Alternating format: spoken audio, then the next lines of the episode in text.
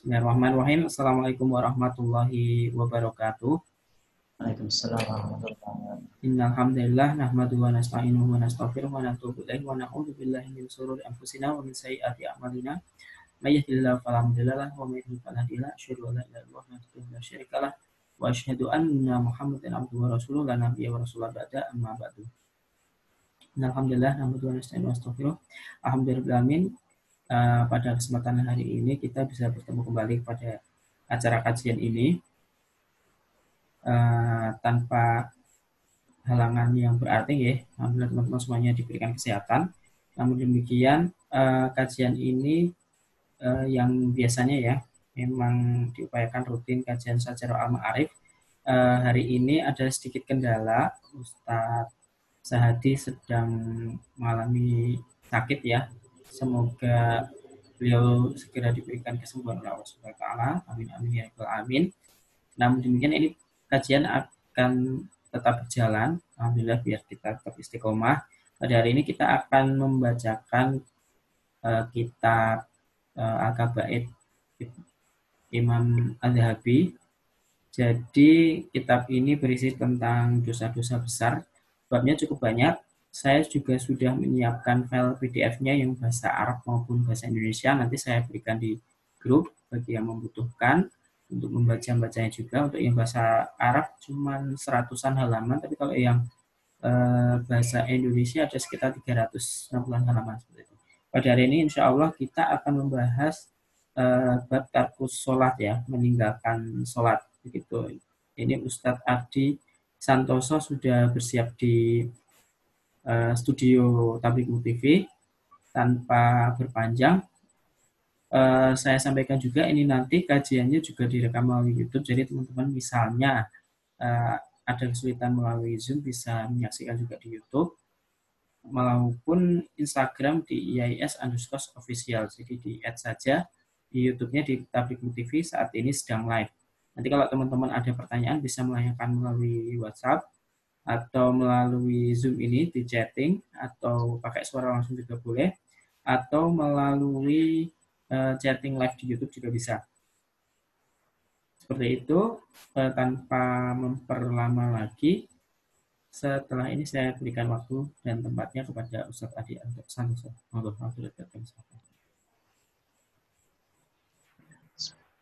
Assalamualaikum warahmatullahi wabarakatuh. Innal hamdalillah nahmaduhu wa nasta'inuhu wa nastaghfiruh wa na'udzu billahi min shururi anfusina wa sayyiati a'malina may yahdihillahu fala mudilla lahu wa may yudlil fala hadiya lahu. Asyhadu an la ilaha illallah wa asyhadu anna Muhammadar Rasulullah.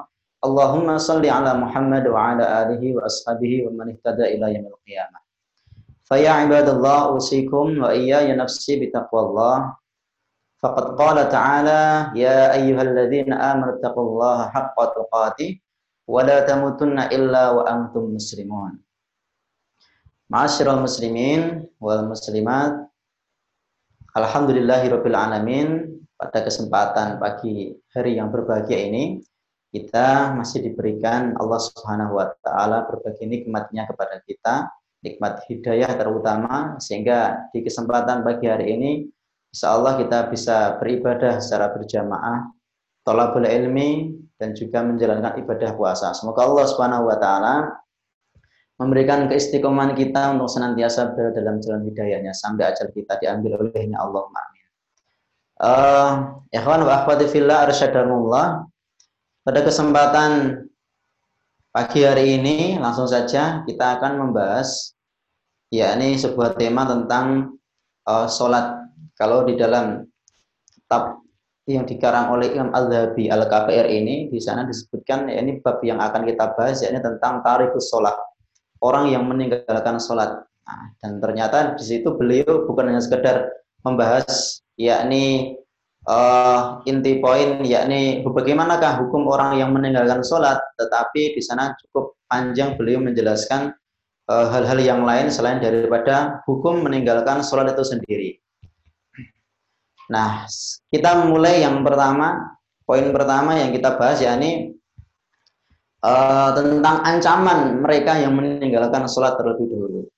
Di kitab ini dalam kitab Al-Kafir ini ya, yang dikarang oleh Imam Al-Zahabi. Imam Al-Zahabi itu salah seorang ulama dari madhab Syafi'i yang cukup terkemuka pada masanya bahkan sampai sekarang dan insya Allah sampai hari akhir nanti. uh, beliau dalam kitab ini menjelaskan ada banyak sekali ayat-ayat maupun hadis yang memuat tentang ancaman bagi mereka yang meninggalkan sholat. Saya cuplik beberapa ayat maupun hadis sebagai yakni tolak ukur terkait dengan mereka yang meninggalkan sholat. Bagaimanakah ancamannya dalam Al-Quran sama hadis? Uh, dalam surat Al-Ma'un yang keempat sampai kelima kita sudah hafal insya Allah ya. Allah Subhanahu wa taala berfirman, "Fawailun lil musallin alladzina hum an salatihim sahun." Yang artinya fawailun, maka kecelakaanlah lil musallin bagi orang-orang yang sholat alladzina hum an salatihim sahun yang mana mereka terhadap salat mereka sahun mereka lalai. Nah, sahabat Sa'ad bin Abi Waqqas beliau mengomentari makna daripada sahun. Orang-orang yang lalai dalam sholatnya itu bagaimana? Beliau katakan mereka adalah orang-orang yang mengakhirkan pelaksanaan sholat dari waktu yang telah ditentukan. Jadi diakhirkan pelaksanaan ibadah sholat itu, sedangkan dia sendiri tahu seharusnya saya kapan menjalankan ibadah sholat tersebut sesuai dengan yakni waktunya. Dan orang-orang yang seperti ini kata sahabat Sa'ad bin Abi Waqqas maka dia mendapatkan ancaman dari Allah wailun mereka kecelak mereka mendapatkan kecelakaan. Mereka celaka mendapatkan siksa yang pedih gitu ya. Dalam hal ini ada dua apa namanya makna ya terkait dengan wail. Wailun lil musallin. Celakalah orang-orang yang sholat. Wail di sini maksudnya bagaimana? Ada sebagian ahli tafsir mengatakan, ya ini orang-orang yang sholat itu akan mendapatkan azab yang pedih. Sehingga azabnya itu masih umum sifatnya. Kemudian yang kedua, uh, menyebutkan wailun di sini, wail celaka di sini maksudnya adalah sebagian ahli tafsir menyebutkan lebih rinci lagi adalah orang-orang yang sholat itu nanti mereka akan disiksa di sebuah lembah di neraka jahanam. Yang mana lembah neraka jahanam ini apabila gunung-gunung itu di apa itu namanya dimasukkan atau apa saja yang ada di dalam lembah neraka jahanam ini, maka semuanya akan meleleh. Apalagi manusia, manusia dia apa namanya masuk ke area lembah ini, dia akan meleleh dia. Siksanya seperti itu. Nah, Masyarul muslimin wal muslimat ikhwan wa akhwati fillah rasadakumullah. Nah, ini bentuk atau apa namanya uh, wujud daripada siksa bagi mereka yang melalaikan sholat yang kata saat bin Abi Waqqas yakni mereka yang mengakhirkan pelaksanaan sholat itu adalah mereka akan mendapatkan siksa yang berdi dan secara terperinci sebagian dari tafsir mengatakan mereka akan disiksa di sebuah lembah neraka jahanam di mana apabila ada yakni eh, benda-benda yang masuk ke situ maka akan meleleh. Apalagi manusia tentu akan lebih meleleh lagi. Walaupun apa itu nama sebagian ahli tafsir juga mengatakan bahwasanya sahun di sini bukan hanya mereka yang mengakhirkan apa namanya pelaksanaan ibadah sholat, tapi mereka yang menjalankan sholat walaupun di awal waktu, tetapi secepat kilat pun mereka juga termasuk orang-orang yang mendapatkan kecelakaan ini. Ini sebagian ahli tafsir yang lain mengatakan seperti itu. Sehingga kesimpulannya di sini sahun di sini ada dua pendapat ya. Satu mengatakan Sahun di sini artinya adalah orang-orang yang mengakhirkan sholat dari waktu yang telah ditentukan. Yang kedua, mereka adalah orang-orang yang menjalankan apa namanya ibadah sholat walaupun di awal waktu, tetapi ketika proses menjalankannya secepat kilat, ya, tidak sempurna rukuk dan sujudnya, maka mereka-mereka ini mendapatkan yakni siksa wail dari Allah Subhanahu wa taala. Nah, ini ancaman dari apa namanya firman Allah Subhanahu wa taala yang pertama surat Al-Maun. Kemudian yang kedua Kata namanya datang dari hadis Rasulullah Sallallahu Alaihi Wasallam riwayat Imam Al Baihaqi. Hadis ini sahih. Inna awala ma yuhasibu bihil abdu yawmal qiyamah min amalihi salatuhu. Sesungguhnya yang pertama nantinya akan dihisap, akan ditanya Allah Subhanahu wa taala, akan dihitung dari amalan seorang hamba pada hari kiamat kelak itu adalah salatu salatnya.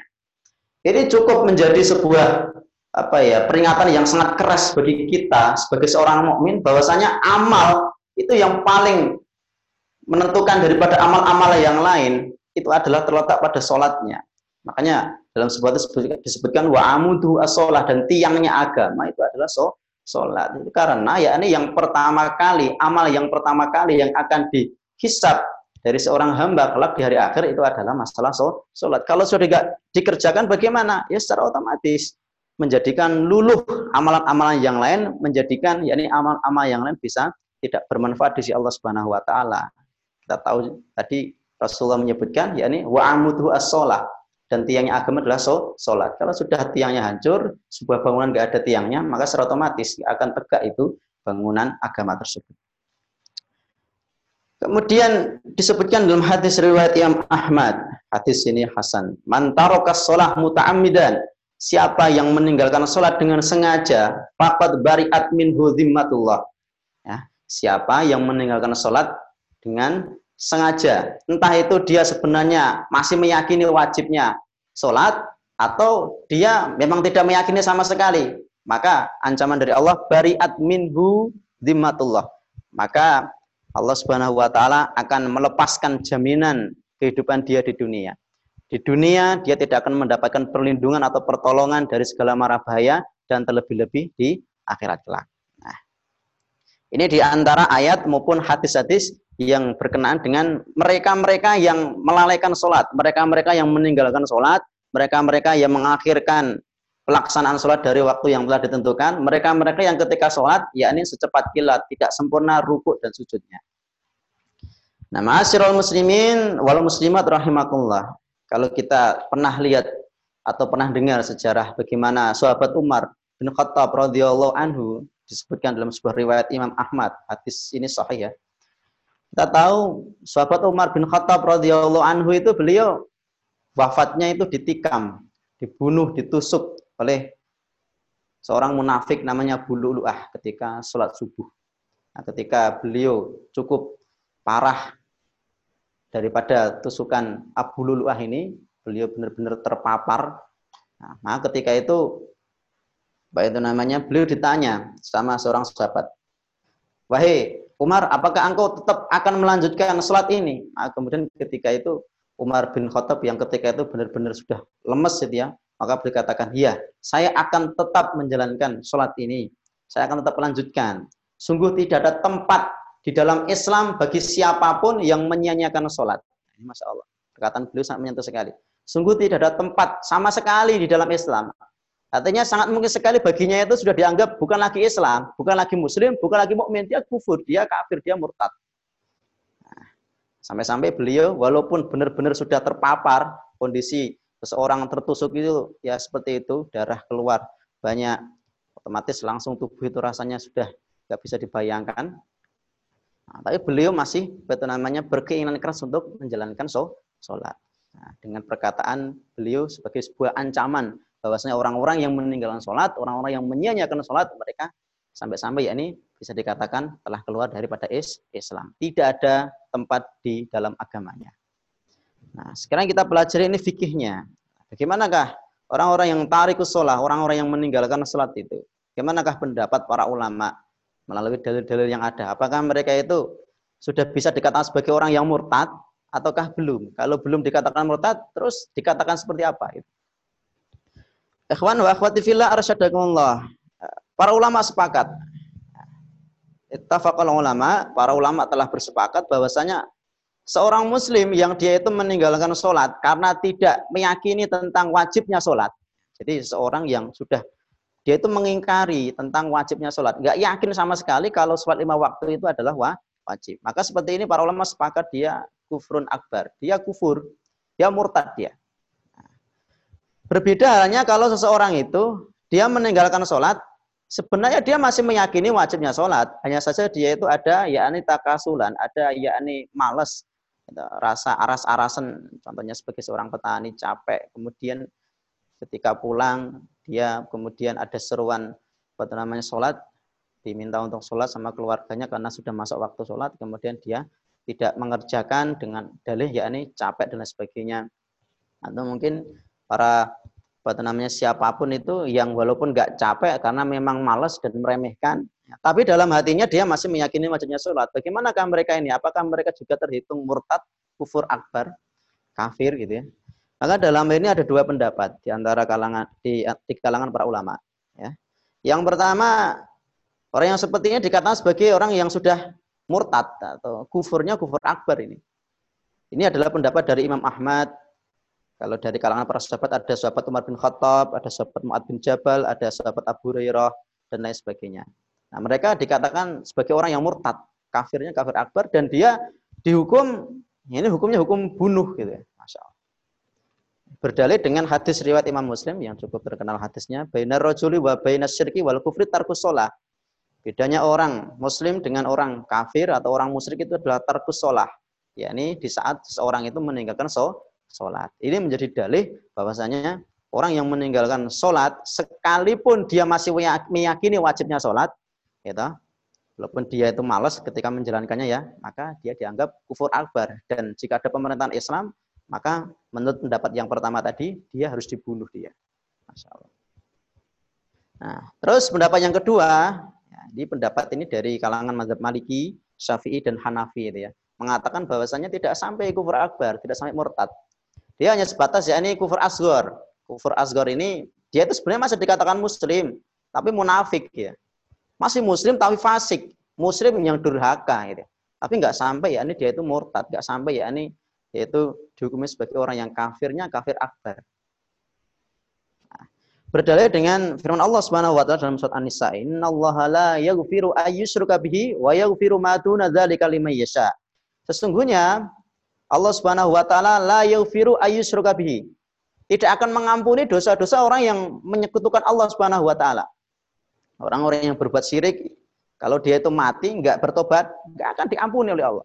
Wa yaghfiru ma duna dzalika liman yasha. Adapun orang-orang yang melakukan dosa selain syirik, ya, maka Allah Subhanahu wa taala dengan kehendaknya ya, jika Allah berkehendak, maka Allah Subhanahu wa taala akan mengampuni dosa-dosanya. Nah, dengan dalih ini, maka berarti selain syirik, contoh katakanlah ini sholat, sekalipun seseorang itu yakni males, tetapi di dalam hatinya itu masih ada apa itu namanya keimanan atau masih meyakini tentang wajibnya sholat, maka berarti dia itu enggak dikatakan sebagai orang yang kafir akbar, enggak sampai murtad, hanya sebatas kafir asgor atau muslim, yang mana muslimnya adalah muslim fasik atau muna, munafik. Nah, belum lagi uh, dengan dalih atau dalil yang lain, mangkana akhiru kalamihi la ilaha illallah dakhala jannah. Siapa yang di akhir kehidupannya dia mengucapkan la ilaha illallah, maka dia akan masuk jan jannah. Jadi siapa pun yang dia itu meninggalkan sholat, selama dalam hatinya itu masih meyakini wajibnya sholat, tetapi karena malas, kok ternyata di akhir kehidupannya dia itu mengucapkan dua kalimat syahadat, maka dengan dalil ini, dengan apa namanya sabda Rasulullah ini, maka dia pasti akan masuk surga. Ya. Tapi tentunya yakni sebelum masuk surga dia akan disiksa terlebih dahulu. Sehingga orang yang sudah dipastikan masuk surga, walaupun sebelumnya itu disiksa, ya maka orang yang seperti ini dikatakan ya ini sebagai orang yang kafir asgar atau muslim tapi munafik atau fasik. Nah, sehingga dari kalangan Maliki, Syafi'i maupun Hanafi, gitu, orang-orang yang seperti ini, mereka apa itu namanya? Ada dua pendapat. Ada yang mengatakan hukuman di dunia yang paling tepat bagi mereka adalah kalau dalam kalangan Mazhab Maliki dan Syafi'i, mereka dibunuh. Dibunuh. Dalam Mazhab Hanafi, mereka nggak boleh dibunuh mereka. Ya, tapi mereka itu dipenjara sampai bertobat, dipenjara sampai mau sholat. Gitu. Sampai kapan itu? Ya sampai sholat. Enggak perlu betul namanya ada batasan sampai berapa hari di penjara. Sampai sholat, sampai tobat. Gitu. Enggak boleh dibunuh gitu ya dengan dalil betul namanya hadis Rasulullah ya halu damu muslimin yashhadu alla ilaha illallah wa anni muhammad rasulullah illa bi Tidak halal darah seorang muslim ditumpahkan bagi mereka yang bersyahadat asyhadu alla ilaha illallah wa asyhadu anna muhammad rasulullah illa bi kecuali kepada tiga golongan. Astayyibuz zani orang yang berzina sudah menikah. Wa nafsu bin nafsi yang membunuh dengan sengaja juga dibu, dibunuh. Wa tariku lidinihi al mufariq al jamaah dan mereka yang mur murtad nah masyaallah muslimin rahimakumullah dari dua pendapat ini kami secara pribadi memakai pendapat yang kedua. Mereka dikatakan kafir, tapi kafirnya kafir asur. Karena dengan apa itu namanya landasan beberapa ayat maupun hadis yang telah kita bacakan apa namanya di muka gitu ya. Bahwasanya orang yang musyrik mereka meninggal tidak bertobat, mereka tidak diampuni dosa-dosanya. Tetapi selain daripada kemusyrikan, kalau mereka nggak bertobat sekalipun, ada kemungkinan oleh Allah Subhanahu Wa Taala jika memang Allah berkehendak nanti akan diampuni oleh Allah Subhanahu Wa Taala, termasuk sholat itu sendiri. Nah, muslimin rahimakumullah. nah, tetapi kalau ada yang berpendapat, yakni mereka murtad, orang gelem sholat masuk apa jenis diarani muslim, ya silahkan nggak masalah. Kita harus bisa menerima perbedaan pendapat ini dan harus bisa saling memahami antara satu dengan yang lain. Karena di antara ulama sendiri saja mereka berbeda, berbeda pendapat, toh mereka juga tidak saling menghujat sana sini gitu. Nah, ma'asyiral muslimin rahimahullah ini terkait dengan fikih mereka yang meninggalkan sholat. Sekarang kita bahas kalau seseorang itu ketika sholat tidak bisa tumak ninah, gitu ya. dia sholat tapi nggak bisa tumak ninah, gitu. Ya. Atau memang sengaja nggak tumak ninah, bagaimanakah sholatnya? Itu bisa diterima sholatnya ataukah tidak? Apakah sudah batal? Gitu. Rasulullah Muhammad Shallallahu Alaihi Wasallam bersabda dalam hadis riwayat Imam Ahmad. Hadis ini Hasan. La tujzi'u salatun la yuqimur rajulu fiha sulbahu fir ruku'i wasujudi. Yang artinya salat seseorang yang mana dia tidak bisa menegakkan kembali yakni sulbahu tulang belakangnya fir ruku'i wasujud ketika rukuk maupun sujud, ya, maka la tujzi'u, maka nggak bisa diterima. Ya, sholatnya nggak bisa diterima, sholatnya nggak sah. Ya, jadi ketika seseorang itu ketika sujud maupun rukuk, ya, dia cepat sekali sampai-sampai ya ini tidak bisa kembali ini tulang belakang ini. Ya, yang seharusnya ketika rukuk itu apa itu namanya uh, siku itu ya, dia nggak sampai siku, dia baru apa itu namanya condong mirip bental, langsung apa itu namanya, langsung uh, iktidal. Nah, ketika sujud juga seperti itu. Berat kata ini belum nyentuh tanah gitu ya, wah langsung cepat sekali. Nah, ini dikatakan ini orang-orang yang mengerjakan sholat maknina yang secara hukum, maka ulama sepakat. Ini mereka apa namanya tidak diterima sholatnya. Allah uh, Rasulullah SAW juga bersabda dalam hadis riwayat Imam Ahmad ya. Hadisnya juga sahih. La yang zurullahu ila sholati rajulin. Allah Subhanahu wa taala tidak melihat Salat seorang laki-laki la yuqimu sulbahu baina ruku'ihi wa sujudihi. Yang mana ketika dia ruku dan sujud, tulang belakangnya tidak bisa kembali. Yakni yakni dia tidak bisa menegakkan kembali tulang belakang ketika ruku atau sujud. Allah enggak melihatnya. ya ma'asyiral muslimin rahimakumullah. Ada sebuah riwayat. Ini riwayat dari Imam Bukhari ya. Ada sahabat Hudzaifah ibn Yaman ya. Seorang sahabat Hudzaifah ibn Yaman. Beliau pernah melihat ada seorang laki-laki yang sholat, yang mana dia itu tidak tumak ninah. Tidak tenang, tidak bisa mengembalikan yakni uh, tulang belakang ketika rukuk maupun sujud kembali seperti semula. Maka dikatakan oleh beliau, kamu belum terhitung sholat. Tidak. La sholat lagi. Tidak ada sholat bagimu. Andai saja kamu mati, padahal sholatmu masih seperti ini, sungguh kamu mati di atas selain fitrah Muhammad Shallallahu Alaihi Wasallam. Kamu mati di atas selain fitrah Muhammad. Artinya yakni kamu berarti bukan termasuk umat Nabi Muhammad Shallallahu Alaihi Wasallam. Nah, ya ikhwah wa akhwati fillah maka mari kita benar-benar perhatikan terkait proses ketika kita sedang sholat itu sudah benar-benar tumak ninah atau belum. Nah, apalagi ketika kita pas dalam proses menjalankan ibadah sholat itu kita sedang mungkin ada masalah atau mungkin sedang ada hajat, maka kita tentu kita harus bisa mengkondisikannya. Jika memang ada hajat, tunaikan dulu hajatnya. Makanya sebagian ulama mengatakan makruh orang yang memiliki hajat dan pada saat itu dia dituntut untuk sholat, dia kemudian lebih mendahulukan ibadah sholatnya daripada hajatnya. Ya. Maka sebagian ulama mengatakan ini lebih baik dia tunaikan dulu hajatnya, baru kemudian dia so, sholat. Entah itu contohnya sedang membantu namanya kebelet, membantu namanya uh, buang air besar atau buang air kecil, maka silahkan ditunaikan dulu. Karena ketika posisi seperti itu kok tetap kita itu mendahulukan sholat, maka secara otomatis sholat kita nggak akan apa itu namanya ada apa itu namanya khusyuk, nah, bahkan tumainah pun sangat mungkin sekali ketenangan sulit didapat. Ya ma'asyiral muslimin rahimakumullah. Terus kemudian kita lanjut poin berikutnya yakni uh, ancaman bagi mereka yang meninggalkan sholat jamaah. Nah ini ini menarik sekali. Uh, muslimah, uh, mas, muslimin rahimakumullah. Para ulama berbeda pendapat ya terkait dengan orang-orang yang meninggalkan sholat jamaah. Artinya dia itu menjalankan sholat sendirian, sholat fardu sendirian, entah di rumah atau di mana pun berada. Dia tidak melakukan sholat jamaah di masjid. Bagaimana hukumnya menurut fikihnya, menurut para ulama itu? Ada setidaknya empat pendapat. Ya. Misalnya banyak sekali ada empat pendapat. Yang pertama dari mazhab Syafi'i dan juga sebagian dari mazhab Hanafi.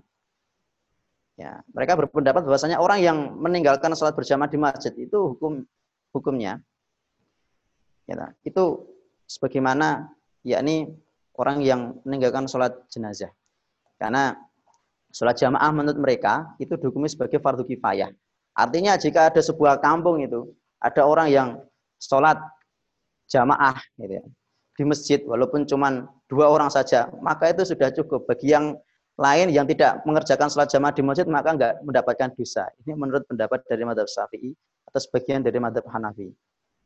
Ya, sehingga apa namanya uh, menurut mereka hukum orang yang menjalankan sholat berjamaah itu adalah fardu kifayah dengan dalil yakni riwayat Imam An-Nasai. Ya, ini riwayatnya Hasan. Ma min salasatin fi qaryatin aw badwin. Ya, apabila ada tiga orang di sebuah kampung, sebuah daerah. La tuqamu fihim as-sholah. Yang mana tiga orang sebuah daerah ini mereka tidak menjalankan ibadah sholat berjamaah di masjid. Illa stahwadha alaihimus syaitan.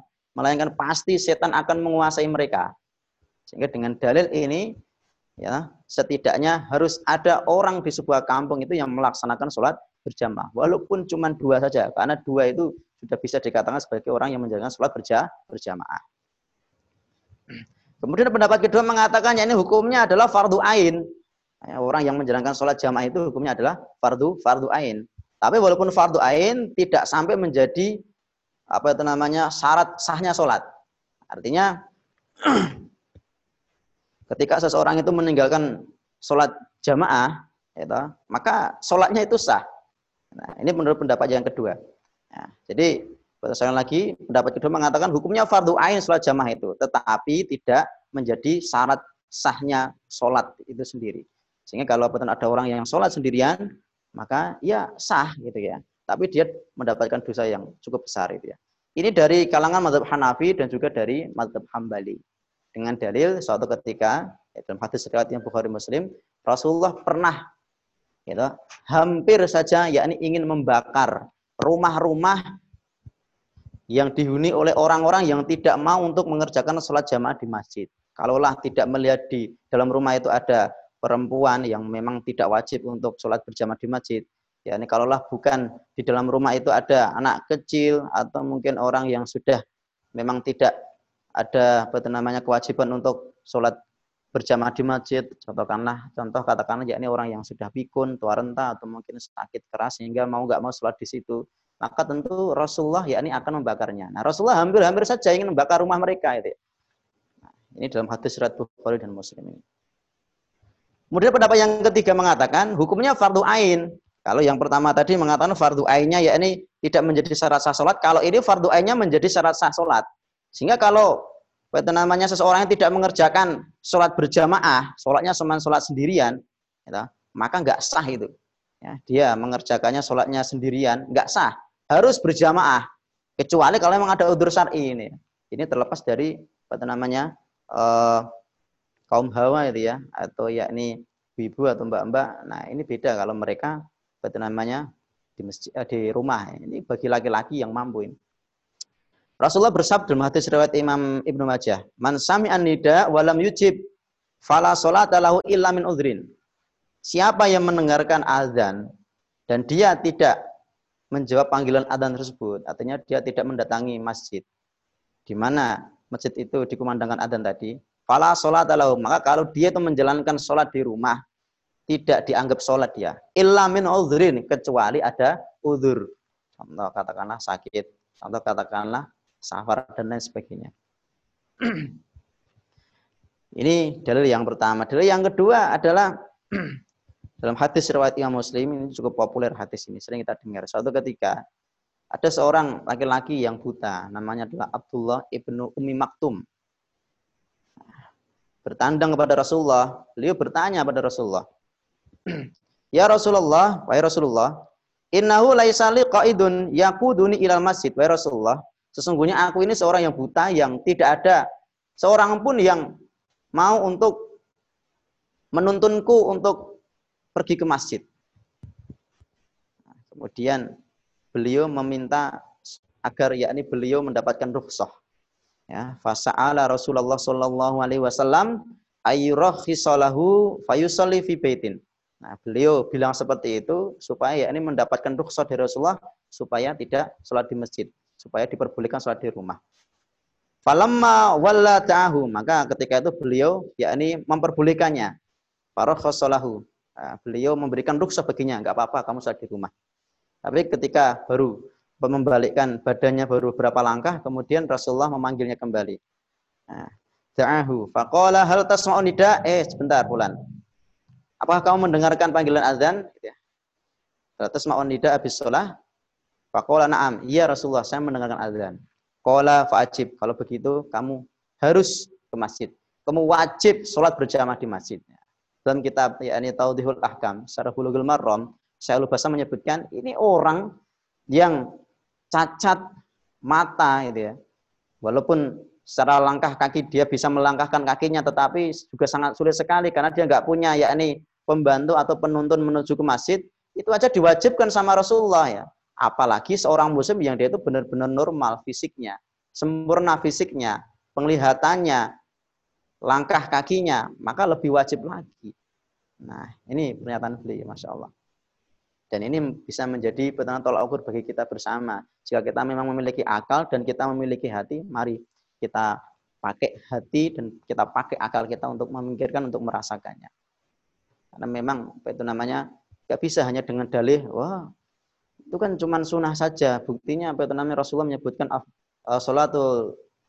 apa itu namanya sholat sendirian, ya sholat munfarid itu apa itu namanya tidak lebih berfaedah, tidak lebih yakni berpahala jika dibandingkan dengan mereka yang mengerjakan sholat berjamaah. Sholatul jamaati afdalu min sholatil sab'i wa isrina darujah. Nah, dan ini menjadi pendapat yang keempat yang mereka yang mana mereka mengatakan hukumnya sholat berjamaah itu adalah sunnah muakkadah. Ini dari kalangan madhab Hanafi dan Maliki ini. Dengan dalil tadi hadis yang telah kita bacakan. Sholatul jamaati sholat berjamaah ya, afdalu min sholatil fadhi itu lebih yakni afdal daripada sholat sendirian yang mana pahalanya jika kita mengerjakan dengan berjamaah adalah 27 derajat. Dalam riwayat yang lain 25 derajat. nah, ma'asyiral muslimin rahimakumullah dari empat pendapat ini manakah pendapat yang mendekati kebenaran? Kita dalam hal ini ada empat pendapat ini mau memakai pendapat apa namanya yang mana terserah apa namanya penilaian kita masing-masing ya. Tapi setidaknya kami pribadi mari kita berpikir dengan hadis yang tadi di dibawakan oleh Imam Muslim yang menyebutkan tentang seorang laki-laki yang buta tadi, rojulun a'ma, yakni bernama Abdullah ibnu Umi Maktum. Beliau saja yang seperti itu kondisi fisiknya aja diwajibkan sama Rasulullah, wajib, kamu wajib untuk mengerjakan sholat berjamaah di masjid, apalagi kita yang memiliki fisik yang sempur, sempurna. Kalau kita memang benar-benar e, mengaku diri kita itu benar-benar pecinta Rasulullah, menginginkan untuk bertemu dengan Rasulullah di janahnya, tentu kita harus menjalankan sholat berjamaah itu di masjid illa min udhrin kecuali kalau ada udhur begitu. Nah, ikhwan wa akhwati fillah. Lantas kalau kita bahas apa itu namanya lebih rinci lagi ya. Apa yang akan kita dapatkan daripada sholat berjamaah di masjid?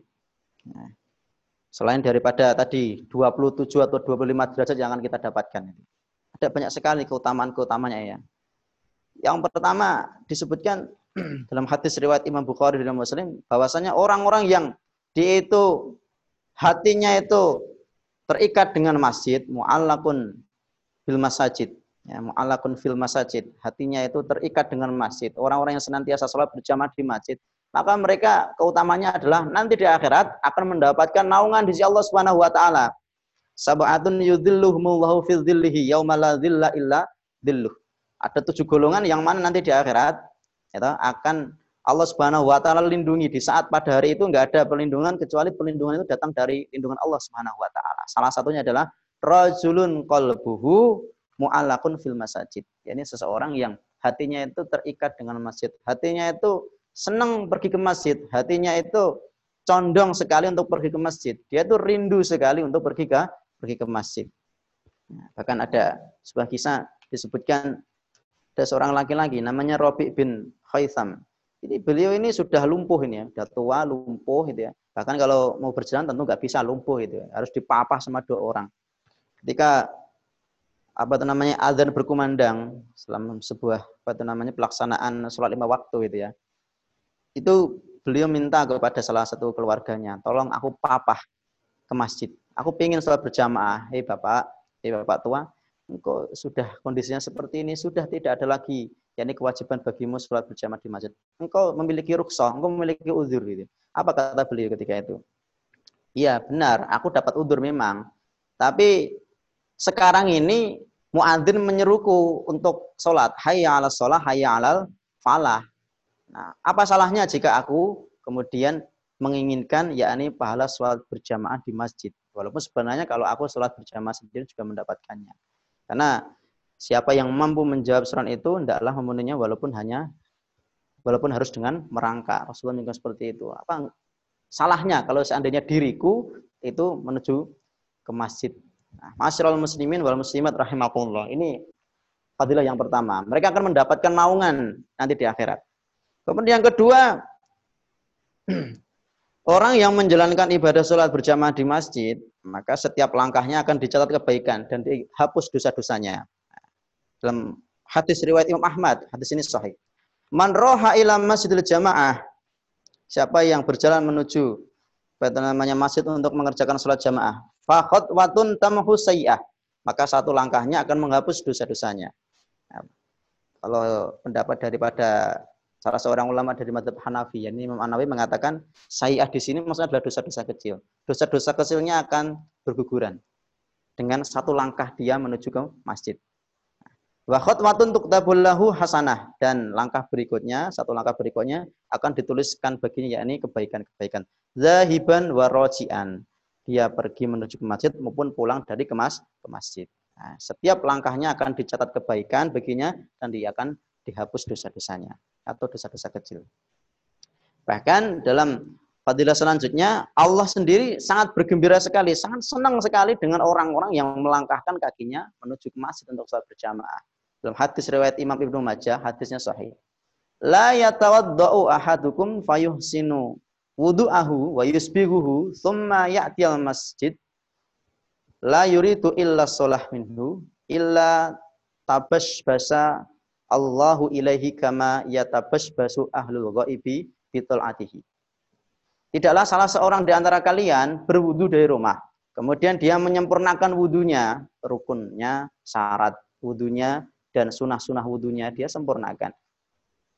Thumma ya'ti masjid, kemudian dia melangkahkan kakinya menuju ke masjid dan dia menuju ke masjid hanya untuk sholat, itu, untuk beribadah pada Allah, melainkan tabas basallahu ilaih, melainkan Allah subhanahu wa taala akan bergembira kepada dia, akan berseri-seri kepada dia. Kama yatabas basu ahlul ghaibi bitul atihi. Sebagaimana seseorang yang mengetahui adanya keluarganya yang telah lama hilang kemudian kembali. Sangat senang sekali. Masya Allah. Tentu kita akan menginginkan kalau nanti kita di akhirat bertemu dengan Allah Subhanahu wa taala akan bergembira dengan kedatangan kita. Allah Subhanahu wa taala apa itu namanya? membangga-banggakan kita di hadapan para malaikat karena kita termasuk orang yang ahli sholat. Maka daripada itu mari kita jaga sholat berjamaah kita.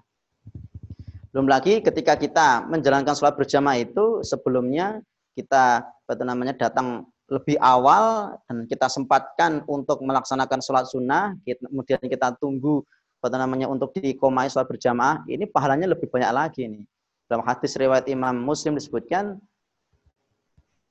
ma qa'ada ahadukum yang tadhirus sholah fi sholah malam yuhdis tad'u lahul malaikah Allahumma gfir lahu Allahumma rahamhu.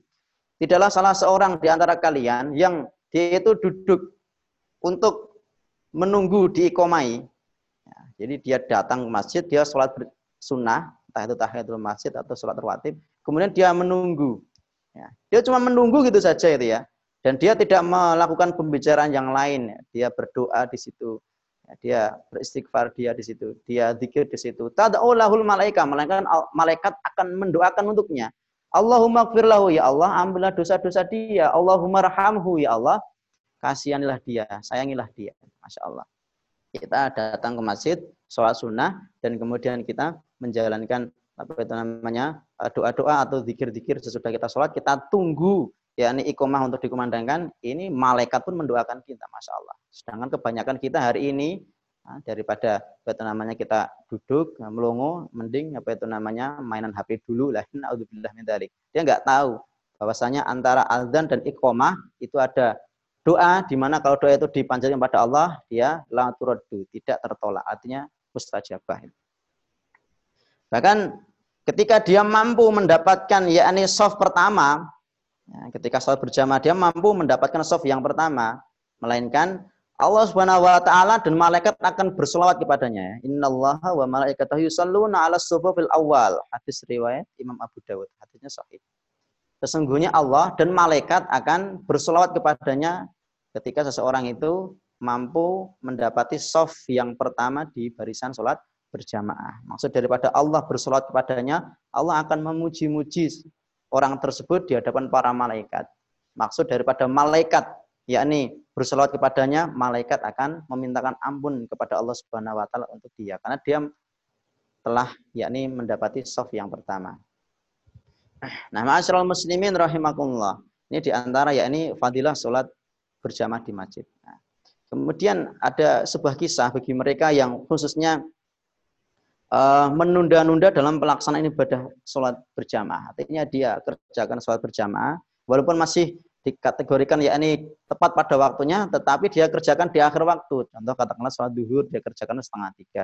Ya, atau seperempat jam sebelum ya ini sholat asar. Dia kerjakan sholat apalagi contohnya maghrib dia kerjakan yakni mendekati sholat isya. Ini termasuk orang-orang yang menunda-nunda pelaksanaan sholat itu ya.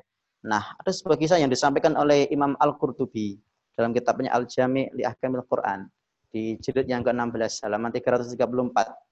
Beliau katakan eh, beliau sampaikan kisah di situ adanya seorang perempuan yang dia itu memiliki saudara laki-laki yang merantau ke kota Madinah.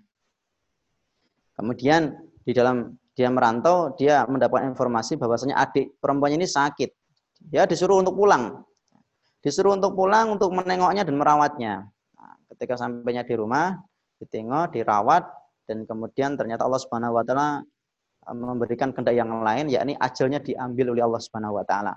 Sampai apa namanya seorang laki-laki atau saudara laki-lakinya ini pun kemudian mengantarkan ke pembaringan terakhirnya di dunia di alam kubur. Terus kemudian dia pulang ketika dia pulang dia mencari sesuatu yang cukup berharga untuk kehidupan diri dunia. Dia cari dompetnya yang di situ ada banyak sekali ratusan bahkan ribuan dinar. Uang yang dia miliki dia taruh di dompet, tapi dompetnya hilang itu. Hanya dia cari satu apa namanya tempat khusus di kamarnya nggak ada sama sekali dompetnya. Di rumahnya di mana kemungkinan di situ ada dompetnya, dia naruh di mana dia mungkin lupa, dicarinya nggak ada. Kemudian tiba-tiba dia ingat sepertinya tadi ketika saya ikut memasukkan adik saya ke tempat pembaringan terakhir dunia, mungkin jatuh di situ. Nah, akhirnya dia pun malam-malam itu pergi ke kuburan. Dia cari yakni itu namanya uh, kotak makam adiknya, dia gali itu, dia nekat itu malam itu sendirian dia, dia betul gali kuburan itu dan kemudian dia menemukan dompet di situ ternyata di sini betul. Alhamdulillah. Tapi ketika itu dalam apa itu namanya hatinya dia memiliki rasa penasaran. Ini adik saya diapain nih sama malaikat itu. Akhirnya dia gali lagi dan ternyata dia sudah dapati kain kafannya, dia buka adiknya bagaimana kondisi fisiknya, ya, apakah diadab sama malaikat ataukah mendapatkan nikmat dari malaikat gitu ya. Ternyata ketika itu langsung keluar api yang cukup besar dan kemudian dia pun sangat kaget sekali, langsung segera itu peternak kuburan yang telah dia gali tadi langsung dia tutup itu. Api yang tadi berkobar itu langsung mati karena namanya di tutup kuburnya sama kakaknya tadi. Akhirnya dia segera pergi pulang menuju ke rumah. Dia temui ibunya. dia menangis, tanya sama ibunya, ibu, sebenarnya adikku ini selama saya tinggal merantau ini yang dilakukannya apa sebenarnya? Amal buruk yang biasa dilakukan oleh adik saya itu apa? Ibunya menjawab, kami itu bertanya bagaimana. Orang itu kalau sudah mati, nggak boleh dibicarakan keburukannya. Akhirnya kemudian dia bercerita secara jujur, kalau tadi saya membuka ya ini apa kuburan adik saya dengan alasan begini dan begitu, dan kemudian ibunya malah menangis mendapatkan cerita seperti itu. Akhirnya ibunya bilang, wahai anakku, ketahuilah, dulu ketika di dunia, adik perempuanmu, perempuanmu itu ada dua hal yang biasa dia kerjakan. Yang pertama sering membuka aib orang lain sering mengumbar aib orang lain. Dan yang kedua adalah sering menunda-nunda pelaksanaan ibadah sholat dari waktu yang sebenarnya. Dia tidak mengerjakan yakni di awal waktu, tapi dia kerjakan di akhir waktu. Dia remehkan sholatnya, dia lalaikan pelaksanaan sholatnya. Nah, nah ma'asyiral muslimin wal muslimat rahimakumullah ini menjadi sebuah hikmah yang sangat besar sekali bagi kita yang mungkin sampai saat ini masih dikategorikan sebagai orang-orang yang menunda sholat. Ya. Karena begitu pedihnya di alam kubur, bagaimana nanti di akhirat ya. Sahabat Utsman bin Affan suatu ketika itu ditanya oleh seseorang. Karena ketika itu Utsman bin Affan menangis dan menangisnya itu adalah di apa itu namanya di sekitar kuburan. Hei Utsman, kenapa engkau ini menangis?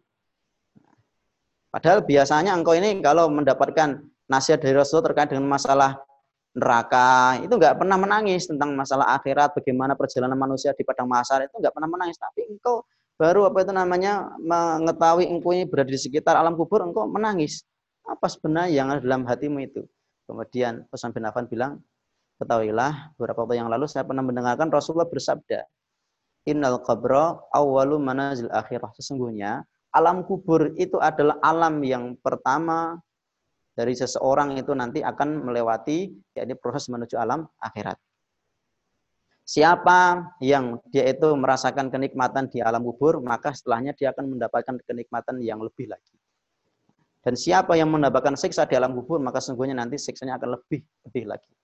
Nah, ma'asyiral muslimin wal muslimat rahimakumullah. Maka kita harus benar-benar introspeksi diri kita seberapa kualitas daripada ibadah sholat yang telah kita kerjakan selama ini. Apakah kita termasuk di antara orang-orang yang melalaikan sholat, ataukah termasuk orang-orang yang mampu menjaga sholat. Ada sebuah perkataan yang sangat bagus sekali, sebagai namanya, eh, kalimat terakhir dari kami, yang disampaikan oleh seorang ulama tabi'in, namanya Hasan al-Basri. Beliau sampaikan seperti ini. Ayu syai'in yu'izzu alaika min dinika. Apa yang berharga dari agamamu? Idza hanat alaika salatuka. Jika sholat saja sudah tidak kamu pedulikan. Wa anta awalu matas alu anha yaumal qiyamah. Sedangkan engkau ini yang akan ditanyakan nanti di hari akhir di padang mahsyar di hari kiamat kelak tentang amalan-amalanmu itu adalah sholatmu. Wa anta awalu matas alu anha yaumal qiyamah. Apa yang berkualitas dari agamamu? Bagaimana agama bisa dikatakan agama yang berkualitas? Bagaimana kamu bisa dikatakan sebagai seorang muslim yang berkualitas, mukmin yang berkualitas di depan Allah? Bagaimana mungkin engkau akan dicintai sama Allah? Sedangkan sholat saja kamu nggak bisa mempedulikannya. Bagaimana mungkin engkau akan diridhai Allah Subhanahu wa taala di kehidupanmu dunia dan akhirat? Kalau engkau di dunia saja engkau sudah melalaikan yakni hak Allah berupa sholat. Sedangkan sholat itu adalah amal yang pertama yang akan dimintai pertanggungjawaban nanti di hari akhir.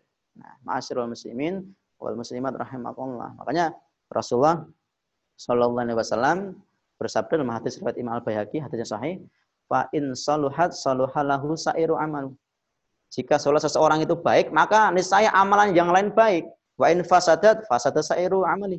Jika sholat seseorang itu buruk, jelek, maka tentu amalan-amalan yang lain pun akan mengikutinya. Makanya pula Allah Subhanahu wa taala berfirman dalam surat Al-Ankabut itu inna sholata tanha 'anil fahsya'i wal munkar. Sesungguhnya salat itu dapat mencegah seseorang dari perbuatan keji dan mungkar. Dan ini adalah tentu sholat seseorang yang dikerjakan dengan kualitas yang benar-benar berkualitas. Sehingga menjadikan seseorang itu dapat menjauhi yakni perbuatan keji dan mungkar. Nah kalau ada orang yang sangat rajin sholat, tapi kok ternyata dia itu juga rajin bermaksiat, perlu dipertanyakan sholatnya seperti apa. Akan ada sebagian ulama mengatakan orang itu kalau sholatnya buruk, maka nanti seluruh urusan kehidupannya dunia pun juga akan terlunta-lunta itu. Mulai dari apa itu namanya aktivitas dia dalam keseharian nggak berbarokah, nggak akan dipermudah segala urusannya. Ketika dia mendapatkan yakni apa itu namanya masalah, dipersulit untuk bisa memecahkan masalah. Ketika dia apa itu namanya sudah menikah, lama sekali menikah, ternyata dia dipersulit untuk mendapatkan momongan dari Allah Subhanahu wa taala. Ketika seseorang itu sudah ingin menikah, tapi ternyata dipersulit untuk mendapatkan jodoh dari Allah Subhanahu wa taala. Ketika seseorang ingin bekerja, ternyata dipersulit dalam mencari mata pencahariannya. Ketika seseorang itu apa itu namanya ingin uh, mencari yakni kehidupan yang lebih sejahtera dengan suatu hal akan dipersulit Allah Subhanahu wa taala. Dalam segala lini kehidupannya akan dipersulit oleh Allah Subhanahu wa taala ketika sholat seseorang itu sudah tidak baik in saluhat saluhalahu sairu amalih. Jika sholatnya baik, maka yang lainnya pun akan baik. Maka sholat itu menjadi sebuah cerminan kehidupan bagi seseorang. Sholat itu menjadi sebuah kemuliaan bagi seseorang di dunia dan akhirat. Ini saja yang dapat kami sampaikan. Kurang lebihnya mohon maaf yang sebesar-besarnya. Semoga dapat uh, menambah wawasan kita dan semoga menjadikan kita lebih dekat pada Allah Subhanahu wa taala. Mari kita jaga itu namanya ibadah bulan Ramadan ini dengan sebaik-baiknya supaya ya ini kita mendapatkan ya ini uh, kemudahan di kehidupan kita sesudahnya di bulan-bulan selanjutnya. Imam Ibnu Rajab Al-Hambali mengatakan dalam kitabnya Lataiful Ma'arif ya, siapa yang tidak beruntung di bulan Ramadan ini fafi ayin fafi ayi waktin yarbah man lam yarbah fi hadha syahr fafi ayin fafi ayi waktin yarbah kalau di bulan Ramadan ini, di bulan Ramadan ini dia tidak yakni beruntung, maka mau di waktu kapan lagi dia akan mencari keberuntungan tersebut. Semoga Allah SWT mengampuni dosa-dosa kita dan memudahkan langkah ke kita di dalam mengistiqomai seluruh yakni konsekuensi-konsekuensi kita sebagai seorang yang beragama Islam. Subhanallah bihamdika asyhadu an la ilaha illa anta astaghfiruka wa atubu ilaik. Wassalamualaikum warahmatullahi wabarakatuh. Assalamualaikum warahmatullahi wabarakatuh. Kalau Ustadz Abdi uh, atas paparannya tadi cukup komprehensif dan banyak etat. Ini diambil disarikan uh, dari kitab eh, KPR kita. Kalau boleh konfirmasi, ini memang Ustadz tidak langsung menghadap kitabnya KPR ya, tapi sudah dirangkum seperti itu ya, benar? Ya, nah, betul. Nah, ini tadi ada komentar teman saya soalnya itu apa kitabnya sama dengan yang itu Arab yang 600 halaman seperti itu. Soalnya dia konfirmasi kayaknya susunannya berbeda. Terus saya sampaikan memang anu ya tadi sudah dirangkum Ustaz memang berbeda seperti ya.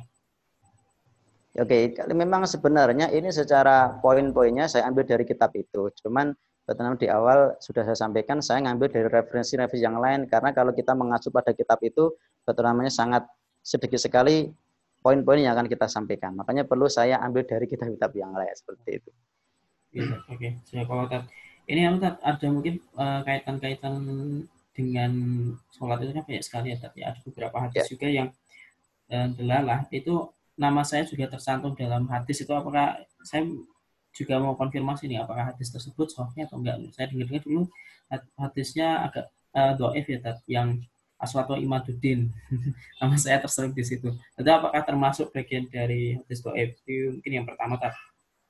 Kemudian uh, yang selanjutnya yang selanjutnya pertanyaannya mungkin kaitannya dengan fenomena ini ya tadi ya karena kondisi covid pasti pertanyaannya berulang di setiap kajian nah, ini yang paling santer yang paling ramai kemarin masjid banyak yang ditutup ada yang sampai melarang ada yang masih longgar ada yang sampai dikunci ya seperti itu ada yang dilarang ditangkap di saat masuk ke masjid nah ini uh, gimana ya fenomena sosial ini bagaimana menengahi supaya kita berada di posisi tengah yang tepat. Jadi mengikuti anjuran pemerintah tapi juga tidak uh, menghalangi kita untuk mendekat kepada Allah Subhanahu wa taala. Mungkin seperti itu dua dulu pertanyaannya. Yang pertama terkait dengan hadis as-salat atau imaduddin, sebagian ahli hadis mengatakan memang betul itu hadisnya dhaif. Sedangkan yang malah justru lebih apa itu namanya bisa diterima itu adalah yang hadis yang lain yang sama yakni matanya yakni uh, apa itu namanya Rasul Amri al-Islam wa amuduhu as-salah wa zirwatu sanamihi al-jihadu fisabilillah. Ya ini pokok ataupun uh, apa itu namanya sumber dari segala urusan itu adalah Islam wa amuduhu as-salah dan tiangnya Islam, tiangnya agama itu adalah as-salat wa zirwatu sanamihi al-jihadu fisabilillah dan puncaknya agama itu adalah jihad fisabilillah. Ini hadis yang tersahih yang menyebutkan terkait dengan masalah sholat itu berarti hanya agama. Sehingga kalau ada hadis sholat imaduddin, memang bagian ahli hadis menyebutkan itu adalah hadisnya do, doif. Kemudian yang kedua, terkait dengan kondisi saat ini COVID-19 ini yang menjadikan seseorang itu uh, harus apa itu nama sholat di rumah. Apakah itu dikatakan apa itu namanya nantinya sebagai orang yang melalaikan sholat? Tentu tidak. Jika memang kondisinya sudah seperti ini, karena Rasulullah sendiri juga sudah memberikan apa itu namanya pesan pada kita apabila sebuah wabah khususnya wabah tahun itu menerpa sebuah daerah maka hendaklah yang di luar jangan masuk dan yang di dalam jangan keluar. Salah satunya adalah yakni jangan berkumpul menjadi satu dengan sebuah kumpulan yang menyebabkan virus itu akan merembet ke mana-mana. Sehingga ketika seseorang itu apa yang namanya uh, menjalankan ibadah sholat berjamaah di rumah atau bahkan yakni sholat sendirian di rumah karena kondisi pandemi COVID-19 seperti ini, maka fa insya Allah itu sudah termasuk sunnah gitu ya. Bahkan ada sebagian orang mengatakan itu ya ini kalau seseorang itu hariannya di saat tidak ada pandemi COVID-19 ini dia hariannya terbiasa sholat berjamaah di masjid dan ternyata kondisi seperti ini mau nggak mau dia itu harus sholat berjamaah di masjid maka tetap dia itu apa namanya tetap sesuai dengan sunnah Rasulullah. Ya kalau dikatakan ya ini sebelumnya dia menjalankan sunnah karena sholat berjamaah di masjid dan kemudian karena dia sekarang posisinya sholat di rumah kemudian dia dikatakan ya ini dia uh, menjalankan apa itu namanya ibadah yang tidak sunnah ini salah besar. Dia sunnah menuju ke sunnah yang lain gitu kan ya. Nah, bahkan Rasulullah SAW bersabda, Man maridu aw safara kutiba lahu misla mislu ma kana ya'malu muqiman sahihan riwayat Imam Muslim. Ya. Siapa yang sakit atau siapa yang sedang safar, ya toh, dia kok dalam keseharian sebelumnya dia itu sudah terbiasa sholat berjamaah di masjid, tapi karena dia itu sakit atau safar, mau nggak mau dia sholat di rumah, bahkan walaupun sendirian, maka dia tetap dihitung atau dicatat yakni mendapatkan pahala yang sempurna sebagaimana sholat berjamaah berjamaah. Itu mungkin sebagai jawaban daripada soal yang kedua. Oke, seperti itu Mas.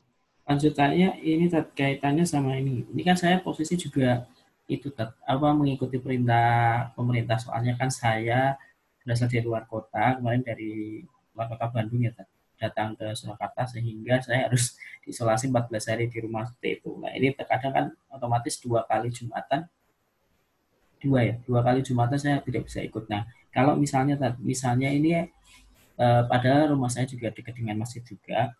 Eh, tapi saya mengikuti anjuran pemerintah tidak mengikuti sholat jumat di masjid. Nah kemudian sholat jumatnya misalnya menggunakan speaker.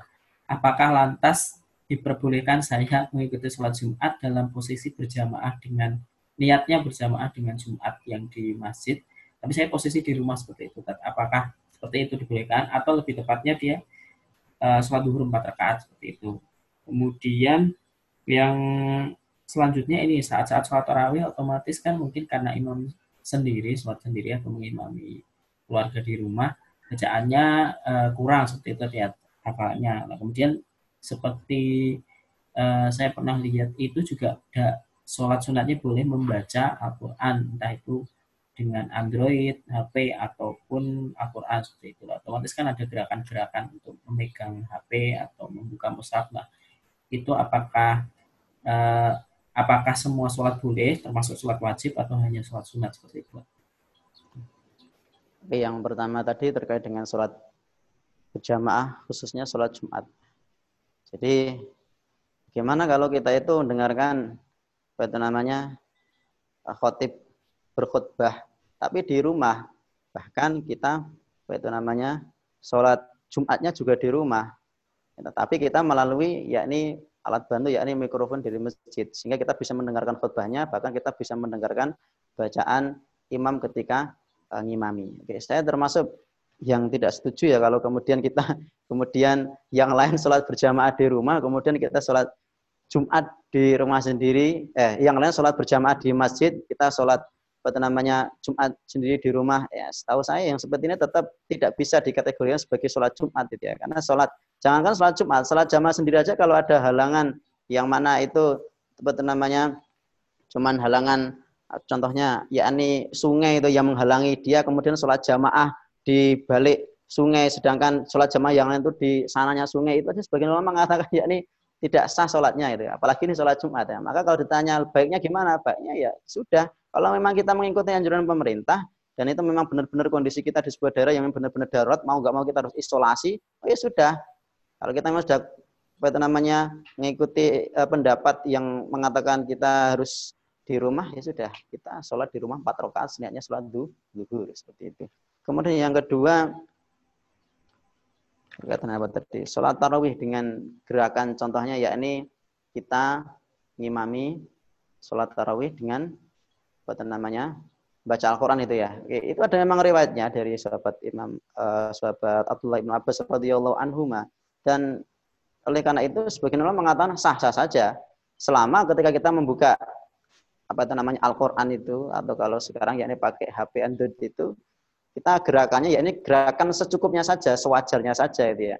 Bukan kemudian contohnya kita buka HP Android, kemudian buka Al-Quran, kemudian kita buka WA, lah ini jadi masalah ini nanti. Maka baiknya kalau memang kita niat mau buka Al-Quran ya sudah, jangan pakai HP, tapi pakai yang lain itu. Ya. Karena kalau sudah buka HP, kemudian nanti kita buka apa niatnya untuk baca Quran, buka aplikasi yang ada di Android itu nanti, wah tentu nanti akan mendapatkan banyak sekali apa itu namanya uh, wacana-wacana dalam hati tak buka inilah tak buka itu repot nanti. Dan itu sah-sah saja dengan syarat tadi, yakni hmm. kita sebatasnya saja. Mungkin saat pakai Android di flight mode seperti itu ya, tapi ya nggak muncul notifikasi itu, itu mungkin bisa ya. bisa. Ya, gitu okay. mungkin. Ini tadi yang agak mungkin isu agak berat mungkin setelah ini pertanyaannya kaitannya diskusi dengan ini. Uh, Tadi kan Ustadz menyebutkan ada perbedaan pendapat ulama, misalnya salah satunya jika meninggalkan sholat termasuk murtad atau yang yang kedua tidak ada pendapat ulama juga yang um, menganggapnya belum termasuk murtad lah seperti itu. Nah saya melihatnya dalam kacamata yang lebih besar, misalnya pendapat-pendapat ulama ini kan banyak juga yang sangat uh, berlainan seperti itu. Nah fenomena sosial saat ini dengan adanya sosial media, fikih yang berbeda itu lama-lama uh, meruncing dan teradu secara alami gitu tat. Jadi ibaratnya kubu kanan vs kubu kiri seperti itu tat. Ada malah seperti itu.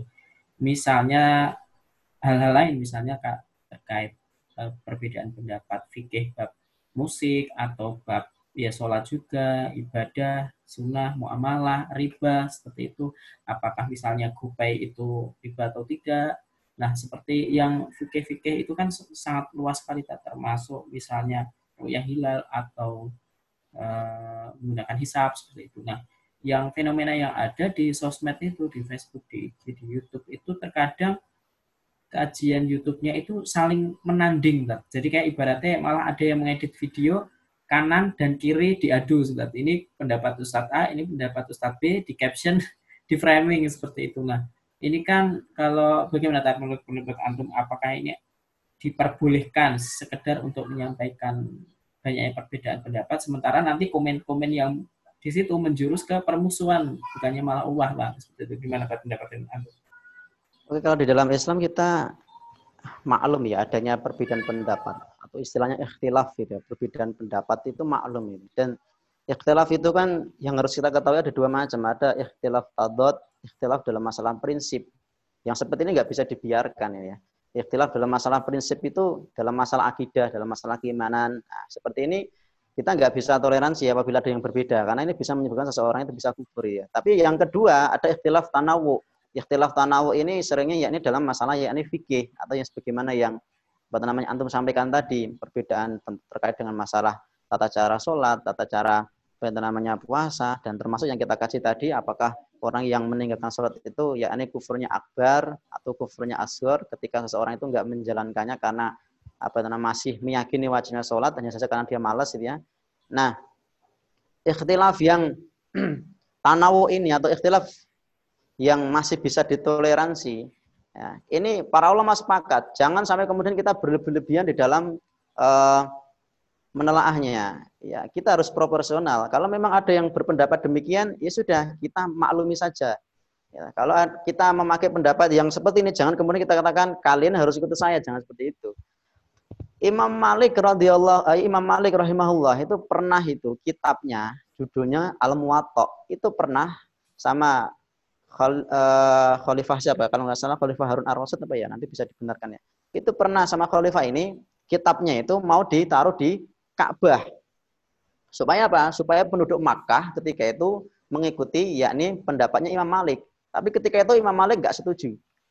Jangan wahai Khalifah. Dulu aja para sahabat mereka berbeda pendapat dan itu maklum di kalangan mereka. Rasulullah sendiri juga nggak memarahi mereka dan mereka sendiri juga nggak pernah adu mulut gitu ya. Nanti kalau mereka engkau paksakan untuk mengikuti pendapatku, nanti akan semakin runcing nanti kehidupan di masyarakat Batna Makkah. Nah, maka biarkan saja. Nah, maka daripada itu, uh, ayol ikhwan wa Allah, kalau memang ada perbedaan pendapat, kita harus tahu. Pertama, ini perbedaan pendapat dalam masalah apa? Perbedaan pendapat dalam masalah prinsip atau dalam hal yang masalah yakni uh, tanawu dalam hal sesuatu yang masih bisa ditolerir atau dimaklumi gitu ya. Kalau ini masih dalam masalah fikih muamalah gitu ya, masih bisa ditolerir, janganlah kemudian kita itu saling mengadu. Kalau kalau sudah mengadu maka nanti akan muncul yakni kesenggangan kita berukhuwah dan ini sangat berbahaya sekali, mudah sekali bagi orang-orang kafir untuk masuk ke dalam tubuh kaum muslimin dari celah ini gitu. Kalau memang kita nggak setuju gitu ya, walaupun dalam masalah kekuatan perbedaan pendapat yang sifatnya masih fikih gitu ya, masih bisa ditolerir. Kalau kita kurang setuju, maka sikap kita adalah cukup kita diam saja, kita nggak mengomentari. Karena biasanya kalau kita ikut mengomentari, nanti di situ akan ada yakni perang batin. Kalau udah perang batin, nanti akan perang sosial media sampai kemudian muncul tadi adu apa tadi itu? Adu pendapatmu dari begini begini dari begini begitu repot itu nanti. Nah, kalau uh, saya cuplikan ada salah seorang ulama kontemporer gitu ya, itu pernah menyebutkan bagaimana cara kita menyikapi perbedaan pendapat ya, beli seperti ini. Uh, na'tadir fi makhtalafna wa na'mal fi mattafaqna.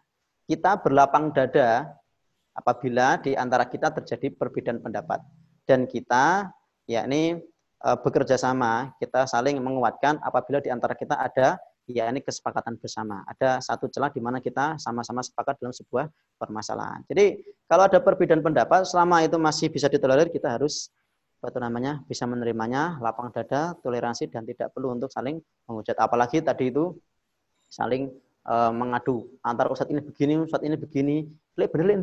Lah, ini justru akan mengundang masalah baru seperti ini. Cukuplah kalau kita sudah tahu ini perbedaan mas, perbedaan pendapat dalam hal yang tanawu, kita cukup diam gitu saja. Saya kira begitu, Mas. Oke, gitu, Ustaz. Berarti arahannya malah uh, isunya bagaimana cara menambah ilmunya ya, Tat, malah bersama Ustadz yang eh, bersama kajian-kajian seperti itu ya, Tat. Bukan malah meman, uh, mendapatkan informasinya dari sosial media seperti itu, Tat, yang penyimpulannya kadang uh, tidak sesuai seperti itu ya, Tat, ya. Ya. Kita apa namanya jadikan perbedaan pendapat itu sebagai wawasan kita saja gitu ya. Jangan, jadi jangan sampai malah justru hal ini menjadikan sosial media itu menjadikan apa namanya contohnya apalagi ini puasa itu menjadikan puasa kita menjadi rusak hanya karena perbedaan pendapat yang sebenarnya itu perlu untuk ditolerir malah justru kita yang tidak tahu ilmu tentang bagaimana sikap dalam berbeda pendapat menjadikan kita uh, uhwah itu menjadi rusak di antara kita. Ya. Mungkin ini ada pertanyaan terakhir kaitannya kembali ke sholat tadi dari Mbak Nurul Aisyah di YouTube. Minta tolong dijelaskan kembali tentang mengkodo sholat bagi perempuan yang sudah selesai berhalangan. Itu apakah setelah bersih saja atau mengganti terakhir sebelum dia berhalangan? Itu kita. Oke. Seorang perempuan yang dia itu mendapatkan halangan. Apakah dia itu uh, menjalankan sholatnya itu langsung dia kerjakan tanpa menggodok dari waktu yang kemarin dia apa itu namanya eh, tinggalkan. Contoh katakanlah dia udah waktu masuk sholat duhur. Dia belum mengerjakan sholat duhur tapi tiba-tiba sudah dapat halangan. Setahu saya ada dua pendapat ini ya. Pendapat pertama mengatakan tetap dia harus mengkodok. Contoh katakanlah ketika waktu sholat duhur sudah masuk dia contohnya jam setengah dia belum mengerjakan sholat duhur. Setengah dua ternyata dia berhalangan ya maka seperti ini sebagian pendapat mengatakan dia harus mengkodoknya. Dapat kedua mengatakan agak perlu itu ya, karena dia apa itu namanya langsung dapatkan apa itu namanya halangan itu tadi. Maka dari dua pendapat ini, kalau saya memakai pendapat yang lebih baiknya sebagai bentuk kehati-hatiannya, kaidah sufiknya mengatakan yakni al khuruju minal khilafi mustahabun keluar dari perbedaan pendapat sebagai bentuk hati-hati, maka itu di itu namanya sukai, maka saya lebih condong untuk dikodok. Itu silakan mungkin itu pertanyaan terakhir tadi saya cek di sosial media sudah ada Uh, Jazakallah Ustadz atas pemaparan hari ini kita uh, Mungkin dalam kesempatan yang lain kita akan meneruskan kembali kajiannya karena dari kitabnya sendiri ada saya baca ada 70 dosa besar ya tadi ya. Ada 70 ya. episode kalau bisa dilanjutkan mungkin di lain kesempatan kita cari waktunya seperti itu. Uh, baik uh, pemirsa Tabikmu TV yang kami hormati termasuk juga di live IG YIS official dan uh, di yang bergabung dengan Zoom hari ini. Uh, sebelum kami sudahi acara, kami ada beberapa informasi di antaranya yang pertama besok kita ada kajian yang lain ya yaitu ada di kajian parenting zone. Nanti teman-teman bisa ikuti juga di acara ini. Ini ya terkait dengan situasi kondisi COVID seperti ini ya, psikologinya kita sebagai orang tua atau yang mau belajar menjadi orang tua atau mungkin eh, bagi para pendidik ya guru di TK, SD, PAUD maupun mungkin SMP menghadapi masalah ini bersama pasti. Karena di kondisi seperti ini anak pasti cenderung Eh, sering bosan di rumah, sering bosan bermain, mungkin mainannya kurang, kemudian teman juga tidak ada, akhirnya larinya akhirnya ke gadget. Apalagi di suatu situasi kondisi misalnya orang tua sedang kerja dari rumah atau ada yang sekolah dari rumah, nah itu anak-anak kadang teralihkan ya sudah pakai gadget aja biar tidak mengganggu lah seperti itu. Nah isu-isu seperti ini besok kita bahas bersama Ustaz Alista Farhani SPSI, kemudian di hostnya oleh uh, Kepala TK Imam Syuhado, Sada Afiatus Solihah SPD. Nah, itu bisa nanti juga besok dicek di Tapikmu TV dan IG YS Official. Dan teman-teman juga yang mau gabung Zoom-nya di room ini juga, atau di bit.ly garing parenting zone juga bisa. Nanti bisa ya teman-teman.